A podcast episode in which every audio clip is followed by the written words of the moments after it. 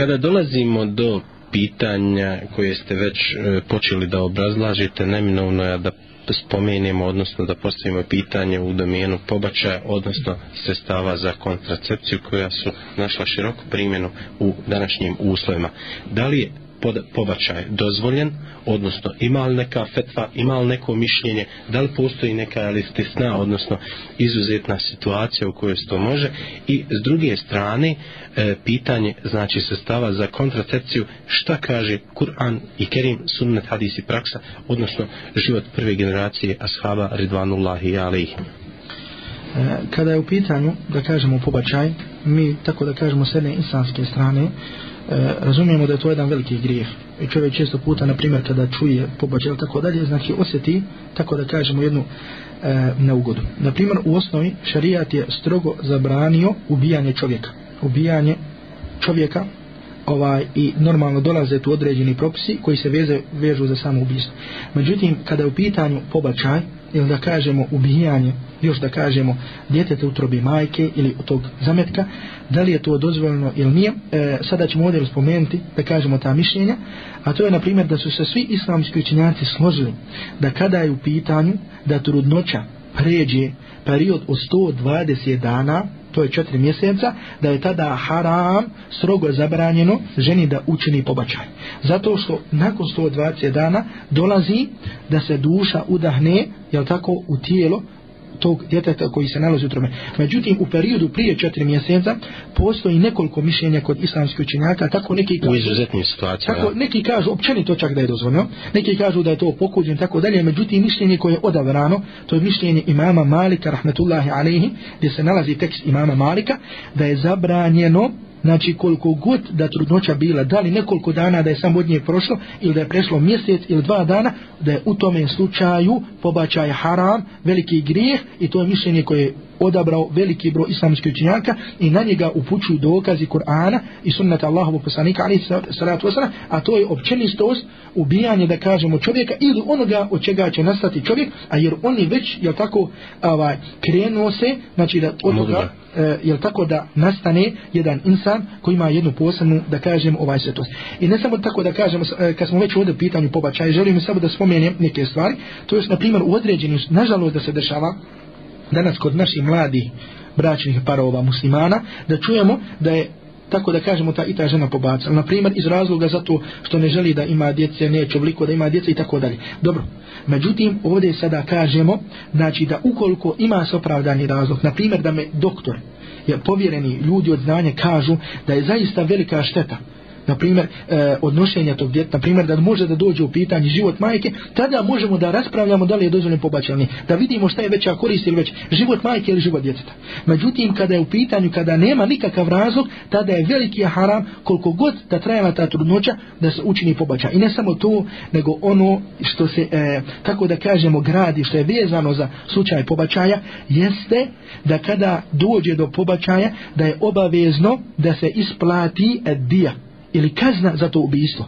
I kada je u pitanju ovaj e, dijete utrobi majke, onda se radi tu o jednoj kazni koja zove El Gurre, a to je otprilike je vrijednost danas kod nas oko 15.000 maraka.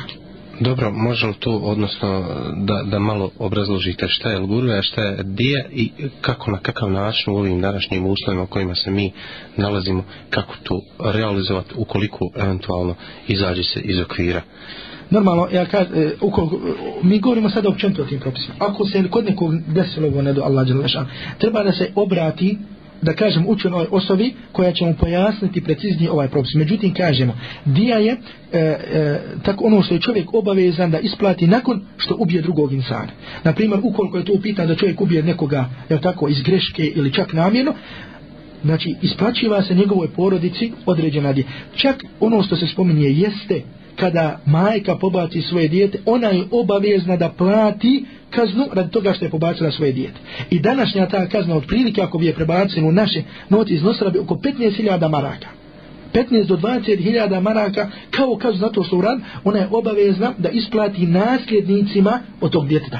A ona ne ulazi to kao nasljednik. Iako je na osnovi nasljednik, kao majka koju u svakom slučaju nasljeđiva, jer imamo šest osoba koji uvijek nasljeđuju, između nje majka, ona ne nasljeđuje kao kaznu za to što je uradna. I obavezno je to da bude iz njenog i netka kao kaznu za ono što je u to e, tada učinila ono što bi mogli tako da na kraju sveg ovoga kažemo ono što smo možda da sam spomenuli a to je da mora da postoji velika i jaka volja od strane prije svega naše omladine, muslimanske omladine od strane, je tako muslimana općenito da poznavaju propise svoje vire a prije svega poznavanje jedno od osnovnih zadnjih propisa braka jer to vidimo, znači to je nešto što je aktualno za svakoga što se za svakoga uh, jel tako veže i mora da čovjek zna da li i na koji način da ima jedan halal, da kažemo šariatski brak, jedan ispravan brak koji će ga udaljiti od jehennamske vatre koji će ga udaljiti od zinavka. I jednom riječu da može da ispuni svoja prava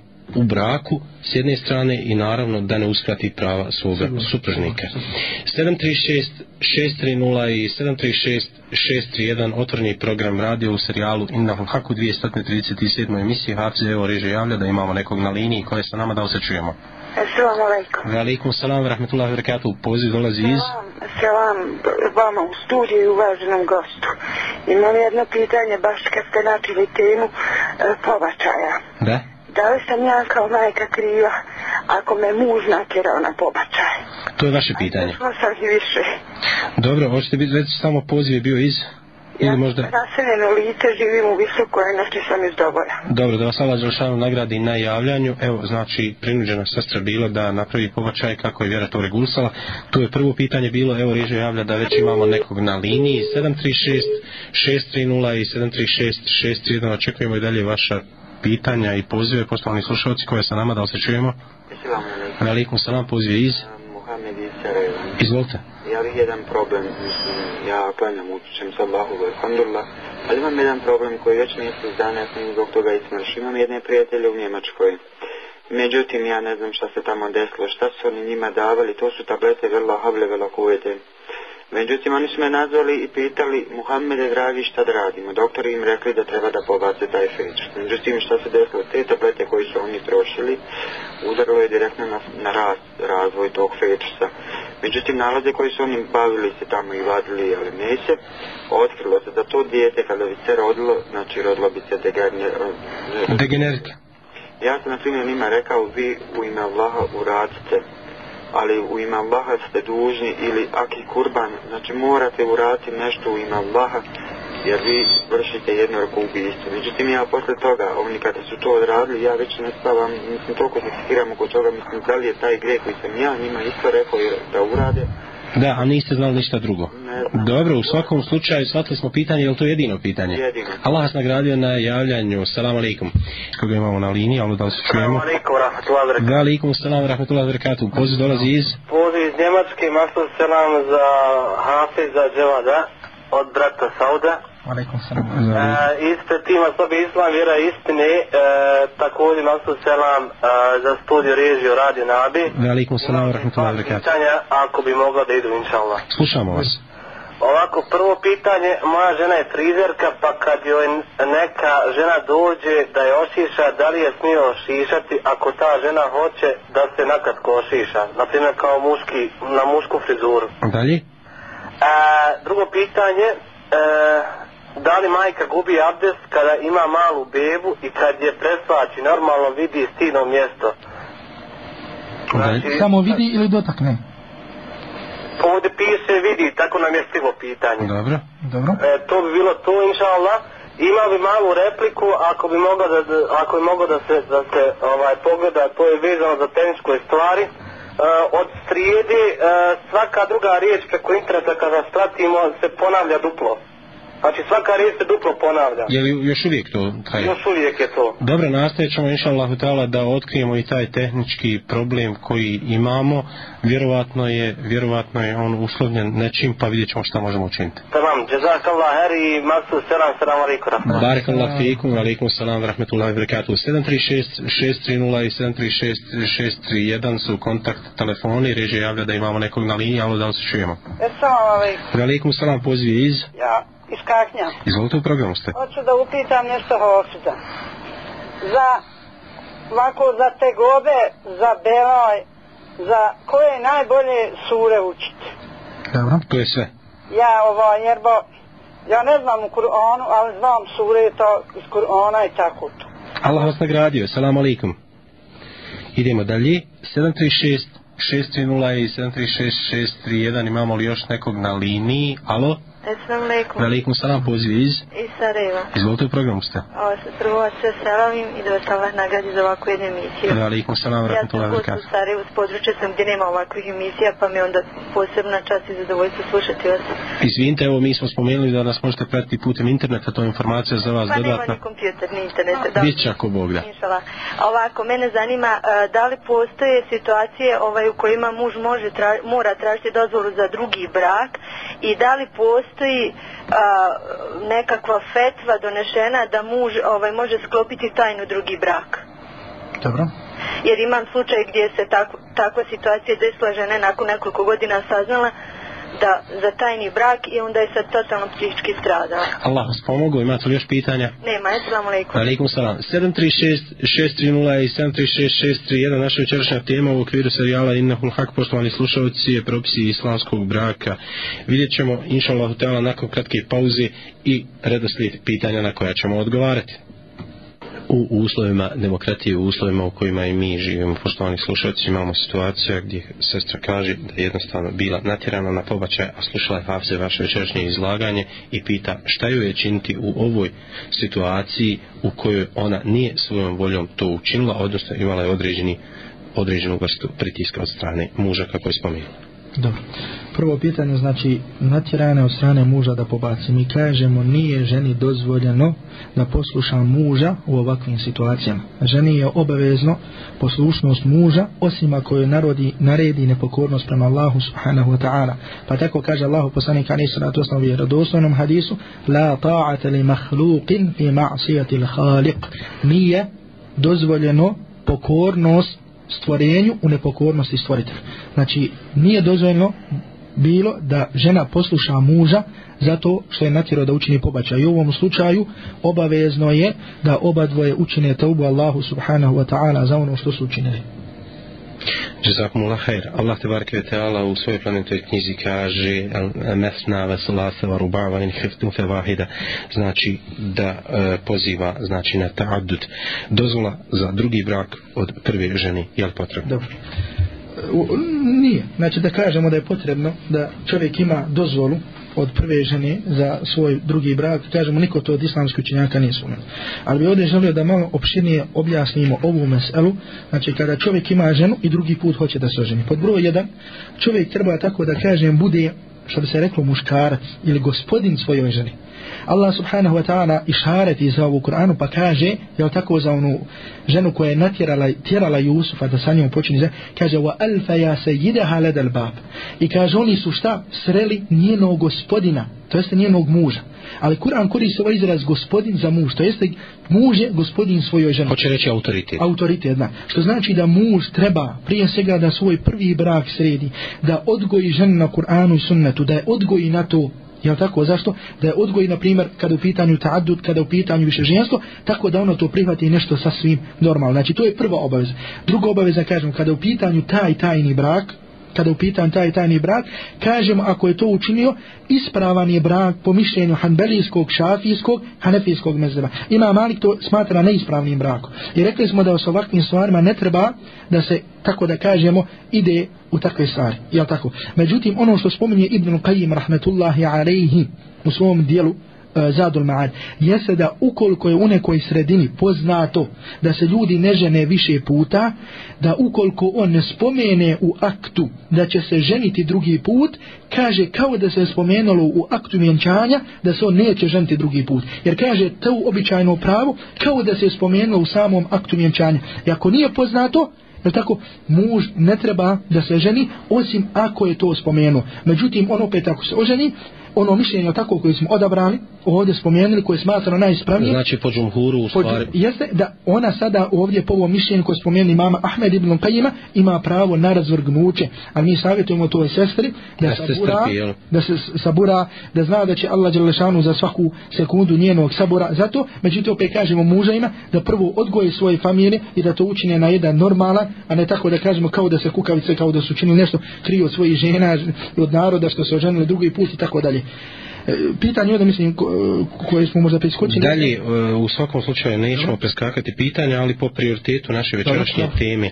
Pitanje znači pobačaja, ova situacija u Njemačkoj u kojoj je znači e, došlo do savjeta interaktivno iz Bosne i Hercegovine u smislu znači pobača jer se plod nije razvijao normalno zbog konzumiranja određenih mm. e, trošenja određenih tableta odnosno određenih sredstava. U ovom slučaju kažemo da onaj koji uputio ovaj savjet da nije ispravno postupio jer ne smije čovjek ni jednu stvar da rekne sud da donese, osim ukoliko to svoje mišljenje ne, ne gradi na jasnom dokazu Kur'ana i sunnata, ili da kažemo mi ne samo da gradimo na, na mišljenju ajetu ili hadisu, nego da moramo znati kako su to islamski učenjaci protumacili, tako da kažemo da je osnova da je osnova šta? Znači da ne smije da dođe pobađaj.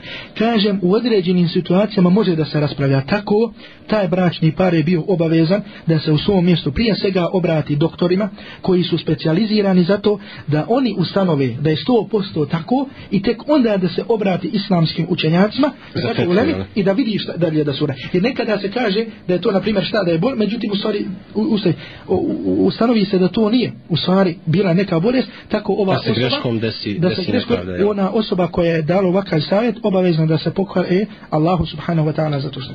Čezakun lahere, ovo pitanje koje je stiglo sa interneta iz Njemačke, kako su nam javili, e, sestre, frizirka, šišanje, nakratko, situacija, e, kako je kada regulsana? Kada u pitanju, znači, kažem općenito, e, koliko, koliko žena može kratiti svoju kosu? Jedan dio islamskih činjaka kaže da žena nikako ne smije da krati svoju kosu da nijukom slučaju ne smije šta da se šiša, nego mora da pusti kut. Međutim, mi kažemo da nema dokaza iz Kur'ana i sunnata Allahovog poslanika sallallahu alaihi wa sallam koji upućuje na to da je žena obavezna da pušta svoju kosu, nego kažemo da jedino što je zabranjeno ženama kada je u pitanju frizura, to su dvije stvari.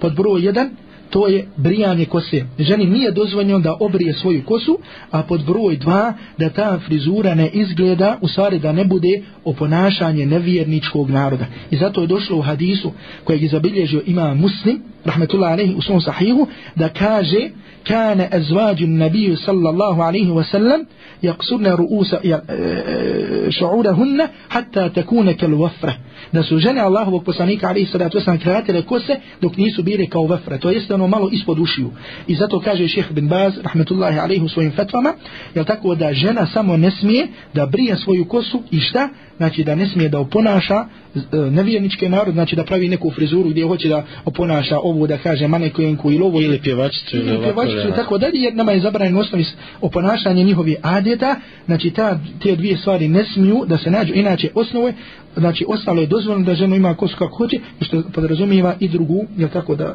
šiša, znači da čini nešto što je dozvoljeno, jer nije dozvoljeno nekom ako ne radi neki haram, da na drugom radi taj haram. Evo poruke sestrama da ne praviš bunje po svojim glavama, nego da to bude pristojno i da bude onako kako što činile sahabike, a odgovor na to se može naći u mnogim dijelima koja se prevedena već sa arapskog jezika.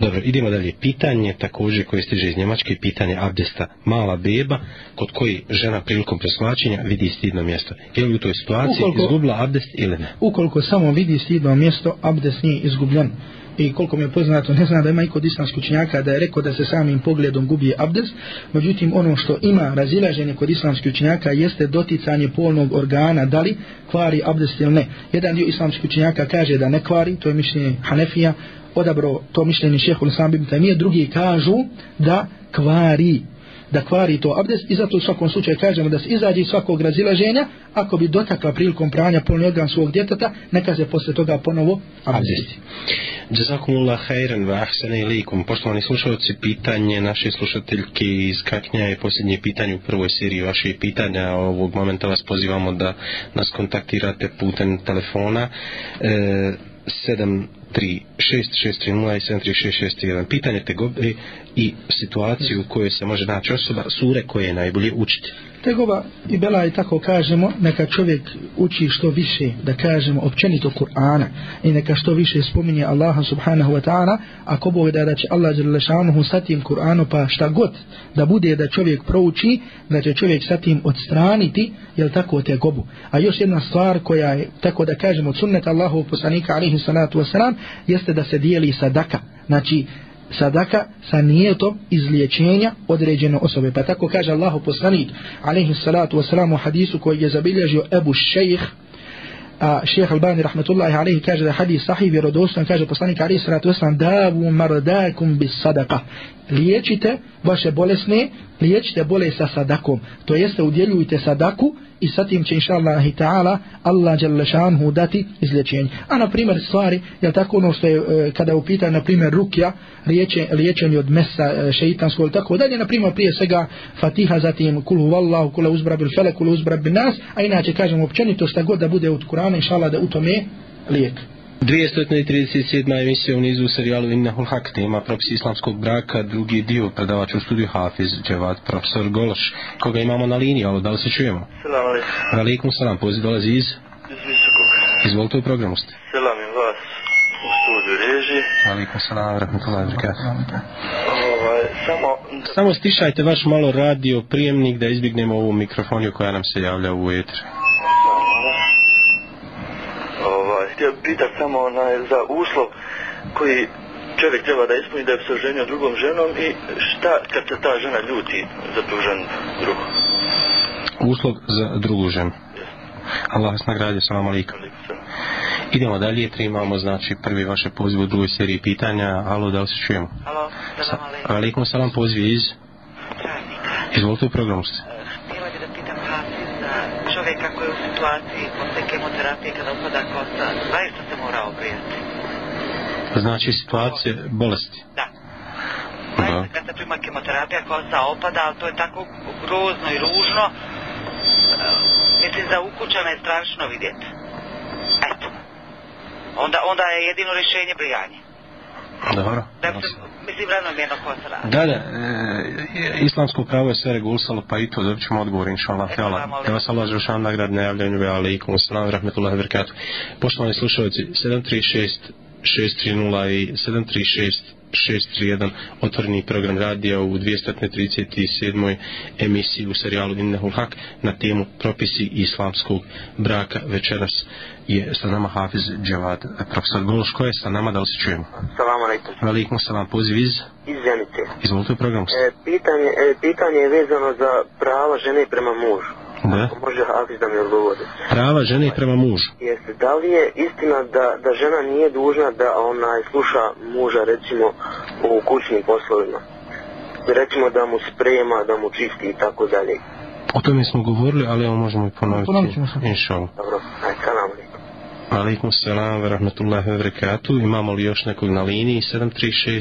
630 i 736 631 primamo drugu seriju vaših poziva poštovani slušalci. Evo mi ćemo odgovarati na već pristigla pitanja ukoliko bude poziva u međuvremenu svakako ćemo ih prihvatiti još jednom ponavljamo telefone 736 630 i 736 631 e, Hafiz Dževad profesor Gološ odgovara na vaša pitanja uslov za drugu ženu ukoliko neko želi da oženi drugu ženu da li mu može ultimatum ili E, uslov je, da kažem općento ovde, uslov je da čovjek bude prije svega u stanju da izdržava drugu ženu. Jer žena, na primjer da kažem, onda kada postoji, kada imaju dvije žene ili tri žene, svaka od njih ima pravo da traži za sebe kuću posebno. Znači nema pravo suprotno njihovoj volji, tako da kažemo da oba dvije, na primjer da oba dvije žene stanuju sa njim u jednoj kući. Nego svaka žena ima pravo da traži posebno kuću. Kada bude u stanju to, onda tako da kažemo sa te pravne strane je šta znači zadovoljio da može drugi put da se ženi međutim ono što ponovo ponavljam što mislim da je osnovni uslov jeste da čovjek svoju familiju odgoji na Kur'anu i sunnetu znači da sredi probleme tako da kažemo u svom braku da bude njegov brak onako da kažemo što bi rekli ko što je bio brak Allahovog poslanika ne. kada je u pitanju sabor da on sabura sa ženom kada je u pitanju međud, e, da je podučava što je potrebno i tako dalje međutim danas kod nas nažalost se dešava čovjek kada ima probleme sa prvom ženom misli da će to riješiti ako se drugi put oženi ili da kažemo na primjer čovjek nije bio u stanju da svoju ženu poduči učenju Kur'ana ili osnovnim stvarima pitanja hajza i nifasa Međutim, pored svega toga je želi i govori da hoće da oživi sunnet e, više ženstva i tako dalje. To je stvar u kojoj mi govori, to je dozvoljeno. Jel tako stvar? I ne može niko da je zabrani. Međutim, kažemo, znači da čovjek treba da porazmisli o malo drugim nekim stvarima, kada je upitan, na primjer, da kažemo, evo spomenu on, e, hajza i nifas, poznavanje propisa. Muževi misle, u stvari prije svega dana se od naše strane, naših sestara, pojavljiva veliko neznanje kada je upitan poznavanje tih propisa. Ali opet u istom vremenu, ako vidimo, vidjet ćemo da je to od osno, da je poznavanje propisa hajza od osnovnih propisa naše vjere. Zato što je pitanje hajzo vezano za, za namaz, vezano je za brak, vezano za je za razvod braka, vezano je za iddet, istek iddeta, vezano za, za mnoge stvari. Zato znači prvo da čovjek napravi u svojoj kući atmosferu, znači jednu islamsku da odgoji i onda tako da kažemo možemo li povezati u kontekstu ovog pitanja i kuranski ajet ta'amenu lel birru ja takva da se uspostavi sigurno. znači taj bir pa, među... da ne bude da čovjek tako da kažem sa tim svojim brakom drugim uništi svoj prvi brak i kao što na primjer kažu ono počela više raja tako da se malo sa tim kaže kakva je kazna za onog ko se ženi drugi put kaže da mu prva žena pobjegne znači da kažemo da čovjek nije i to je sramota da kažemo kako za nju na primjer što to nije ispravno shvatila jel tako ukoliko je na primjer ono rekao da, da će tako ili tako posud i da kažemo isto vrijeme sramota i za njega zato da kažemo što je to opet e, e, znači nešto što je vezano za njegovu familiju znači za što je on odgovoran i tako dalje tako kažemo znači pod broj 1 kada ima mogućnost materijalne strane pod broj 2 znači kada tako da kažemo. Međutim, ukoliko se žena ljuti, da kažemo, kao ljuti to, ako razumiješ li, ta neka ljutnja koja je prolazi, inša Allah, razumiješ li. Ljubomora je postojala na kraju krajeva između žena, Allahu poslanika, sallahu alihi wa sallam. Znači, materijalno i zatim odgoj na Kur'an i sunnetu. Dotakli smo se e, pitanja šišanja, odnosno kraćenja kosi kod ovog pitanja koje je pristupilo iz Njemačke. Slušateljka iz Travnika se nadovezala na to i postala pitanje situacije bolesti opadanja kosi i kada je u toj situaciji, znači bolesti, kada kosa opada, neminovnost da se glava brije. Da li, znači, postoji izuzetne situacije u pogledu isto? Mi smo spomenuli osnovi da žena ne, ne treba i ne smije da brije svoju kosu jer poslanik Ali Isra to sam kaže lejsa lin nisa i al halku da nije za žene da nije dozvoljeno ženama brijanje glave i tako kažemo dozvoljeno je da obrije ukoliko to zahtjeva nužda na primjer da se kaže da je radi zdravstvenih razloga da e, šta na primjer da je potrebno radi zdravstvenih razloga da je obrije kad je lekarskim pregledom znači, ustanovljeno ukoliko je doktor kaže obavezno da je obrije to međutim ukoliko je pitan samo izgled kažemo da žena na drugi način može tako da kažemo taj malo ne lijep možda prizor da sakrije na primjer da sveže šal tako da kažemo na svoju glavu ono je normalno ono šal na primjer pred svojim ukućenima može da bude otkrivena međutim kažemo ne onaj šal razumiješ ono da se vidi Klasični, može, nego ono na primjer što bi se reklo da podveže svoju kusu i u tom inšala izlazak i svega toga Jazakumullah khairan wa ahsana ilaikum prava žene prema mužu u, Mi smo spomenuli u smislu znači spremanja, pranja, veše i tako dalje Spomenuli smo da je odabrano mišljenje da je žena obavezna znači postoje mišljenje da kaže pitanje urfa, da je žena obavezna obavezna samo da se odazove svom mužu u postavi. Međutim, mišljenje koje je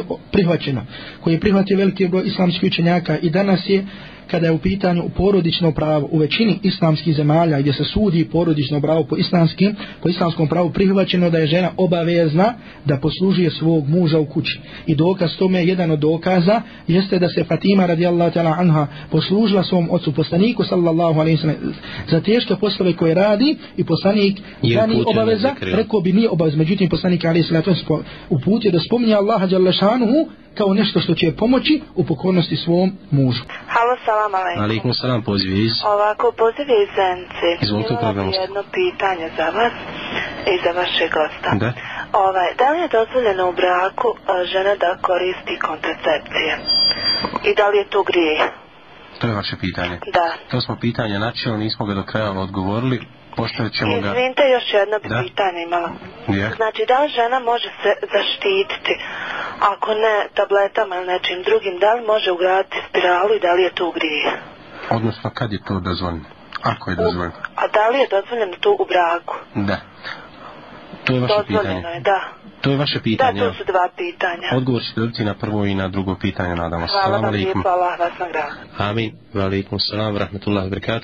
Evo, Hafsi, kad smo govorili o sprečavanju, o sprečavanju, znači, e, trudnoće, tada smo spomenuli i pitanje pobačaja, ali nismo znači do kraja dali odgovor na isto pitanje. Da vidimo šta kaže Kur'an i Kerim, šta kaže sunnet hadis praksa poslanika sallallahu alaihi wasallam i na kraju krajeva primjer iz života prve generacije ashaba ridvanullahi alaihim. Ono što je mišljenje sa četiri mezheba pravne škole u islamu jeste da je dozvoljeno tako da kažem ono što bi se kod nas reklo da se mladenci čuvaju znači da spriječ, da, spriječe, da spriječe trudnoću na dozvoljen način ovaj e, ono što nam je poznato je tako međutim kada je e, usto se veže pitanje spirale odnosno tablete tako da kažemo da je u osnovi dozvoljeno ženi da e, spriječi svoju trudnoću tabletom, je tako? Normalno, pod, prvi uslov jeste da to bude...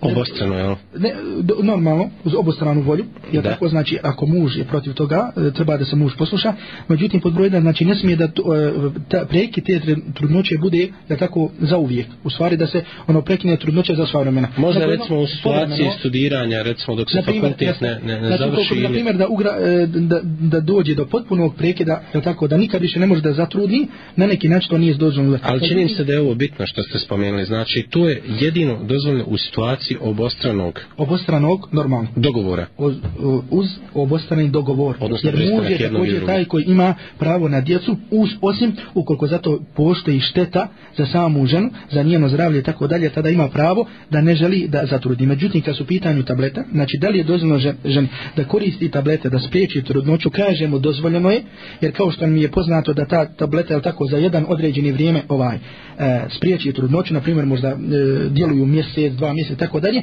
međutim pod uslovom da se e, da e, doktor kaže da u tome ne postoji šteta za ženino zdravlje. Znači da tablete neće nanijeti štetu za ženino zdravlje, tada je dozvoljeno da koristi. Međutim, ono što se meni čini iz onoga što sam ja vidio iz prakse, jeste da te tablete, koliko mi je poznato, nanose štetu ženi i njenoj zdravlju. Međutim, opet kaže, nisam ja taj koji tu to mogu reći, nego se mora vratiti tu doktorima, znači da oni kažu da ustanove da li će od toga biti štete za ženu i njeno zdravlju neće. Što se tiče spirale, jedan dio islamski učenjaka to ne dozvoljava, znači da žena to učini zato što dolazi tu, da druga žena vidi njeno stidno mjesto, mada jedan broj islamski učenjaka to dozvoljavaju, međutim opet kada je u pitanju spirala, preče je da se ne stavlja. Jer zato kaže, e, na primjer, kaže šeho Islam ibn Taymiyyah rahmetullahi alihim u svojim fetvama da je to dozvoljeno da žena stavljanjem nečega u svoj polni organ da je dozvoljeno da spriječi trudnoću, međutim preče joj je preče da to ne čini. Jazakumullah khairan wa ahsana ilaykum. 736630 i 736631 otvorni program radio u serijalu Inna Hak. Večeras u 237. emisiji u nizu poštovani slušalci govorimo na temu propisi islamskog braka, drugi dio. Gost predavač u studiju Hafiz Džavad. Profesor Gološ, imamo li nekog na liniji? Alo, da li se čujemo? Čujemo, selam alaikum. Alaikum, selam, poziv dolazi iz? Kakne. Izvolite u programu ste želio bi čuti odgovor za sljedeću situaciju. Da. Oprosto. Bračni drugovi su sklopili e, brak u onom doratnom vremenu, ono u džahilski se živi, do skora. I sad skoro se desila bolest, recimo ženi, od sihra, od džina i tako. I sad utvrđena je medicinski da, da oni ne mogu ništa za sebe tu riješiti, da to riješi nego se morao liječiti Koranom. Međutim, čovjek sad to sve sumnja i krivi familiju žene da su on to sve na svoju ruku tako stjeli da se ona pokrije, da proklanja, da ovo, da ono. I sad ona živi u takoj teškoj situaciji da je, da je potpuno zdrava, teško bi joj bilo. I sad je, razumiješ, još terapija u toku, on psuje, pije kao sad više namjerno, još više isprovocira sve to. Pa kakav je status sad pravo znači, žene? Samo, žena je pokrivena, žena obavlja namaz. Žena je, alhamdulillah, skora u toku terapije prihvatila te obučinila, nije ni znala klanjat, sad klanja. Međutim, on, kako je njegovo stanje? On neće, on to samo... On i dalje nije pokoran, jel? To samo dok je još terapije, pa eto, mora. Ja. A inače on i sad zna doći počesto pijan psovat neuzubila donosta alkohol u kuću. Dobro, shvatili smo znači, pitanje, da vas Allah nagrađa. Znači sad je otprilike pitanje da li je njoj dozvoljeno da ostane sa njim u braku. Pa kako da se postavi, da li dokle su granice sabura u takvom braku i no. tako. Da vas Allah želšanu nagradi, salam alaikum. Ja, alaikum salam. 736-630 i 736-631 pozivni broj za kanton 032 poštovani slušalci 237. emisija po redu u serijalu Inna Hulhak na temu propisi islamskog braka večera sa vama Hafiz Dževad, profesor Gološ još jednom ponavljamo kontakt telefoni 736-630 i 736-631 umeđu vremenu da čujemo i odgovor na već postavljeno pitanje E, normalno, prije, prije svega oni će nastaviti sa tom svojom terapijom, jer obavezno je znači šta da traže, jel tako, ovaj, lijek u Koranu i Sunnetu, i mi, e, tako da kaj, savjetujemo sestri da je Allah Đelešanu nagradi prije svega za to što je ona učinila za njim povratak Allahu Đelešanu u vjeri, i neka, tako da kažemo, još jedno vrijeme sabura neka još jedno vrijeme sabura ovaj, e, sa tim svojim mužem, neka pokuša jel tako da vidi da li će se i onako Bog da možda vrata Allahu Đalešanu vjeri, da Allahu Đalešanu upućuje dove za njega, međutim ukoliko stanje nastavi i dalje tako da bude da on pije alkohol, da on ovaj, da ostavlja namaz i tako dalje, onda je u tom slučaju propis da je e, kažem, kao što spominju islamski učenjaci, kao što se spominje u dijelima fika, da je ona obavezna da jel, napusti taj brak, da razvrne i taj brak, jer ne smije da ostane u braku sa onim koji vrijeđa Allahove Đerlešanu u svijetinje, koji je potpuno suprotno sa ponaša propisima Allahove Đerlešanu u vjeri, a za prvu stvar neka nastavi, tako da kažem u pjesu sa tom svojim terapijom, e, ako Bog da nadat se da će i njen muž krenuti, ako Bog da pravi putem, neka mu objasni e, šta je uslov, tako da kažemo da dvoje dvoje budu u braku da, da ona ako osoba psuje Allaha dželle šanuhu ako sebi dozvoli ovo da, da ne može tada da dođe do jednog ispravnog šerijatskog braka i tako dalje pa onda poslije toga ako bi se desilo što bi se desilo onda jel opet savjetujem znači sestri da se posavjetuju sa nekim od učenih ljudi, tada nakon tog vremena pa vidit ćemo šta će da bude.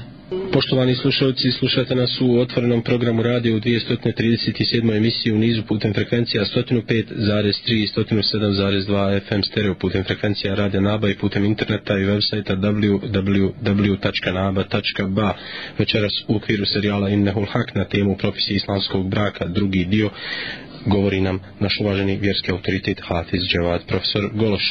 Telefoni su 736-630 i 736-631. Koga imamo na liniji, ali da li se čujemo? Assalamu alaikum, rahmatullahi wa barakatuh. Alaikum, assalam, ponovo poziv iz Njemačke, je li? Ponovo poziv iz Njemačke, ispratimo sebe islam vjera istine. E, imamo još jedno pitanje, nažalost nevezano za temu.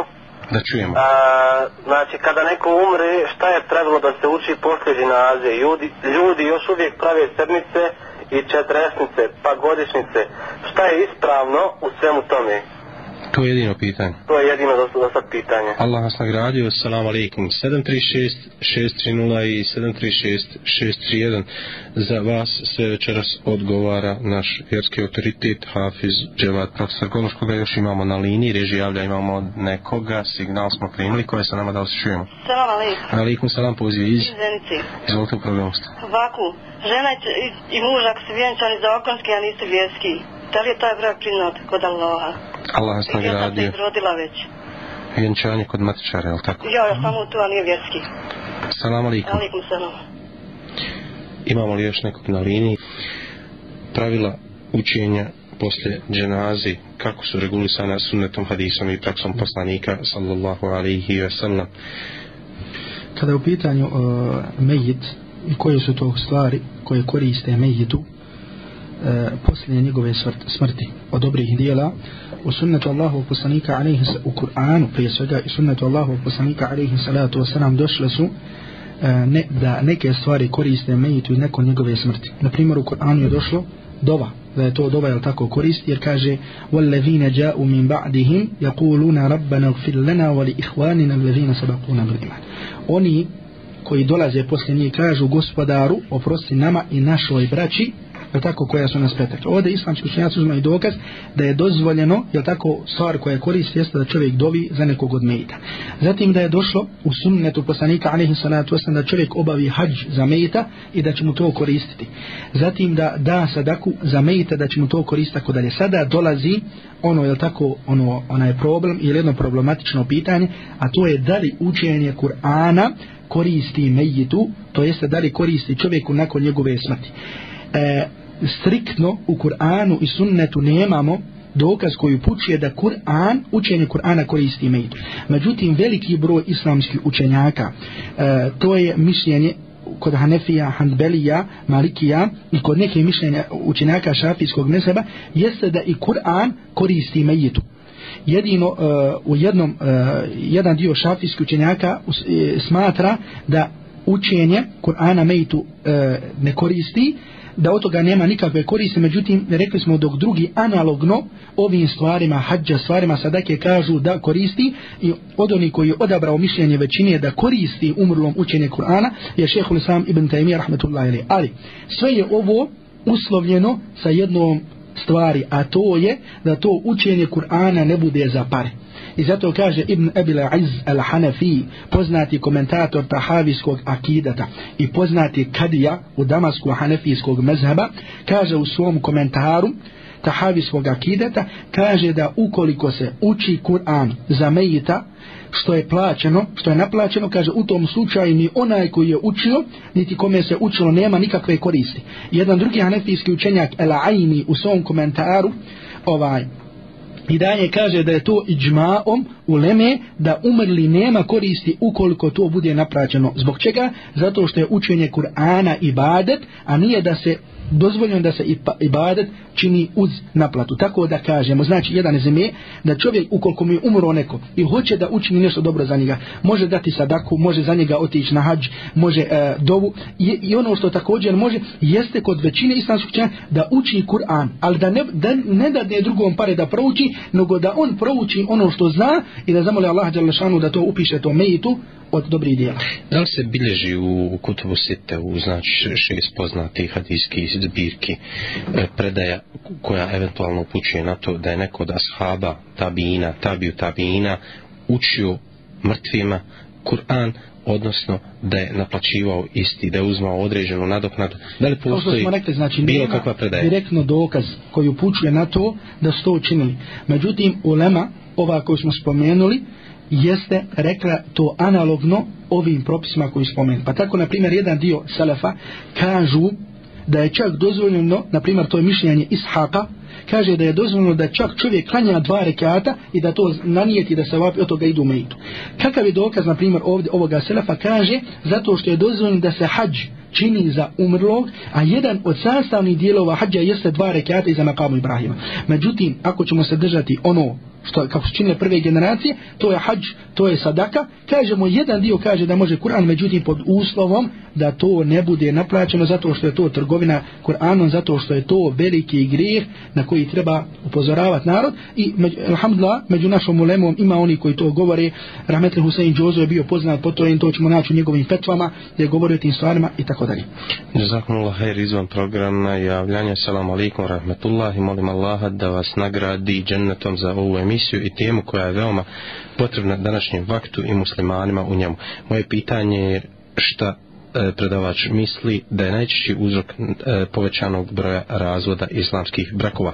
Obzirom da smo razvod e, braka ostavili za treći za treći dio propisa islamskog braka ove naše teme, da li da ovo pitanje ostavimo za narodnu emisiju? Možemo malo otprilike da kažemo, jel, o njemu ćemo posebno govoriti, ali kažemo najveći uzrok razvoda brakova jeste nepoznavanje Kur'ana i sunnata, odnosno da čovjek ili žena ne znaju kako da se ponašaju jedno prema drugom. Odnosno ne znaju osnovne principe inače. Znači često puta smo svjedoci, na primjer, da čovjek radi neke male stvari, razvede svoju ženu zato što nije učinila ovo je ne postoji tako da kažemo tu povođenje za Allahom i poslanikom dok ćemo naći na primjer hadis da jedne prilike e, došla skupina sahaba kod Allahovog poslanika alejhi salatu vesselam i da je jedna od žena donijela hranu i da se da je pao tanjir i da se razbio. I što se prenosi je da se poslanik sallallahu alejhi ve sellem samo sageo, pokupio tu hranu i da sto je li nastavili da jedu.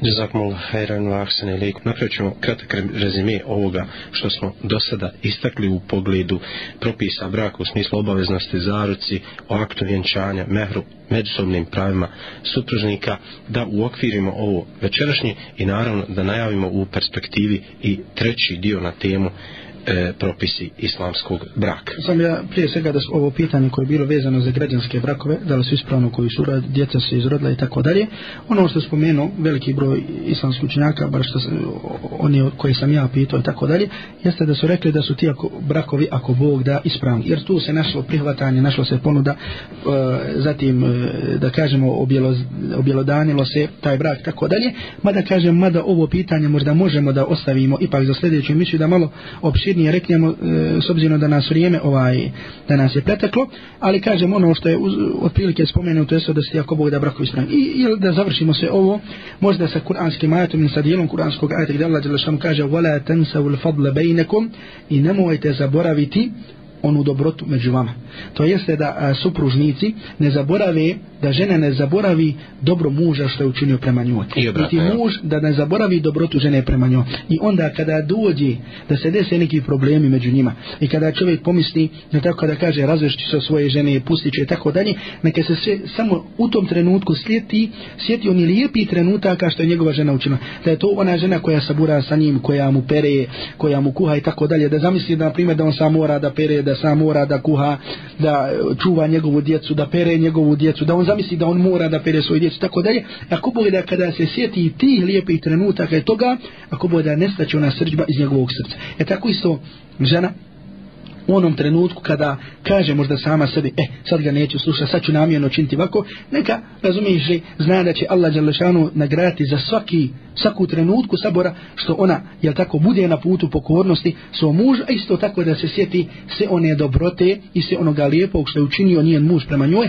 a sigurno je dosta toga, jel da ga ne, da ne kažemo puno više, nego ono, jel tako, onih nekih loših postupaka i tako dalje, i to je prilike da kažemo možda jedan osnovni ajet jedna, e, ovaj ajet je jedna velika osnova na kojoj se gradi jedan uspješan brak. Molim Allaha subhanahu wa ta'ala da nas smiluje, da nam oprosti i e, da nas učini od onih koji poznaju Kur'an i sunnete, koji žive po propisima Kur'ana i sunneta, Allaha ovog djelašanuhu zakona, jer čovjek gdje god da živio, kako on god vremen da živio, koliko god bilo da je teško, obaveza mu je obaveza muslimanima da poznaju svoje pravo, da poznaju šta smiju, šta ne smiju, prije svega svoje bračno pravo, svoj porodični život, porodično pravo i nadat se da će tako sresti Allaha subhanahu wa ta'ala da on sa njima bude zadovoljen. Jazakum Allah khairan wa ahsan ilikum da vas Allah žušan nagradi najboljom nagradom da vam podari svaki khair i svako dobro. Subhanak Allahumma wa bihamdike ašhadu an la ilaha ilma anta astagfiruke wa atubu lik. Wassalamu alaikum wa rahmatullahi wa barakatuh.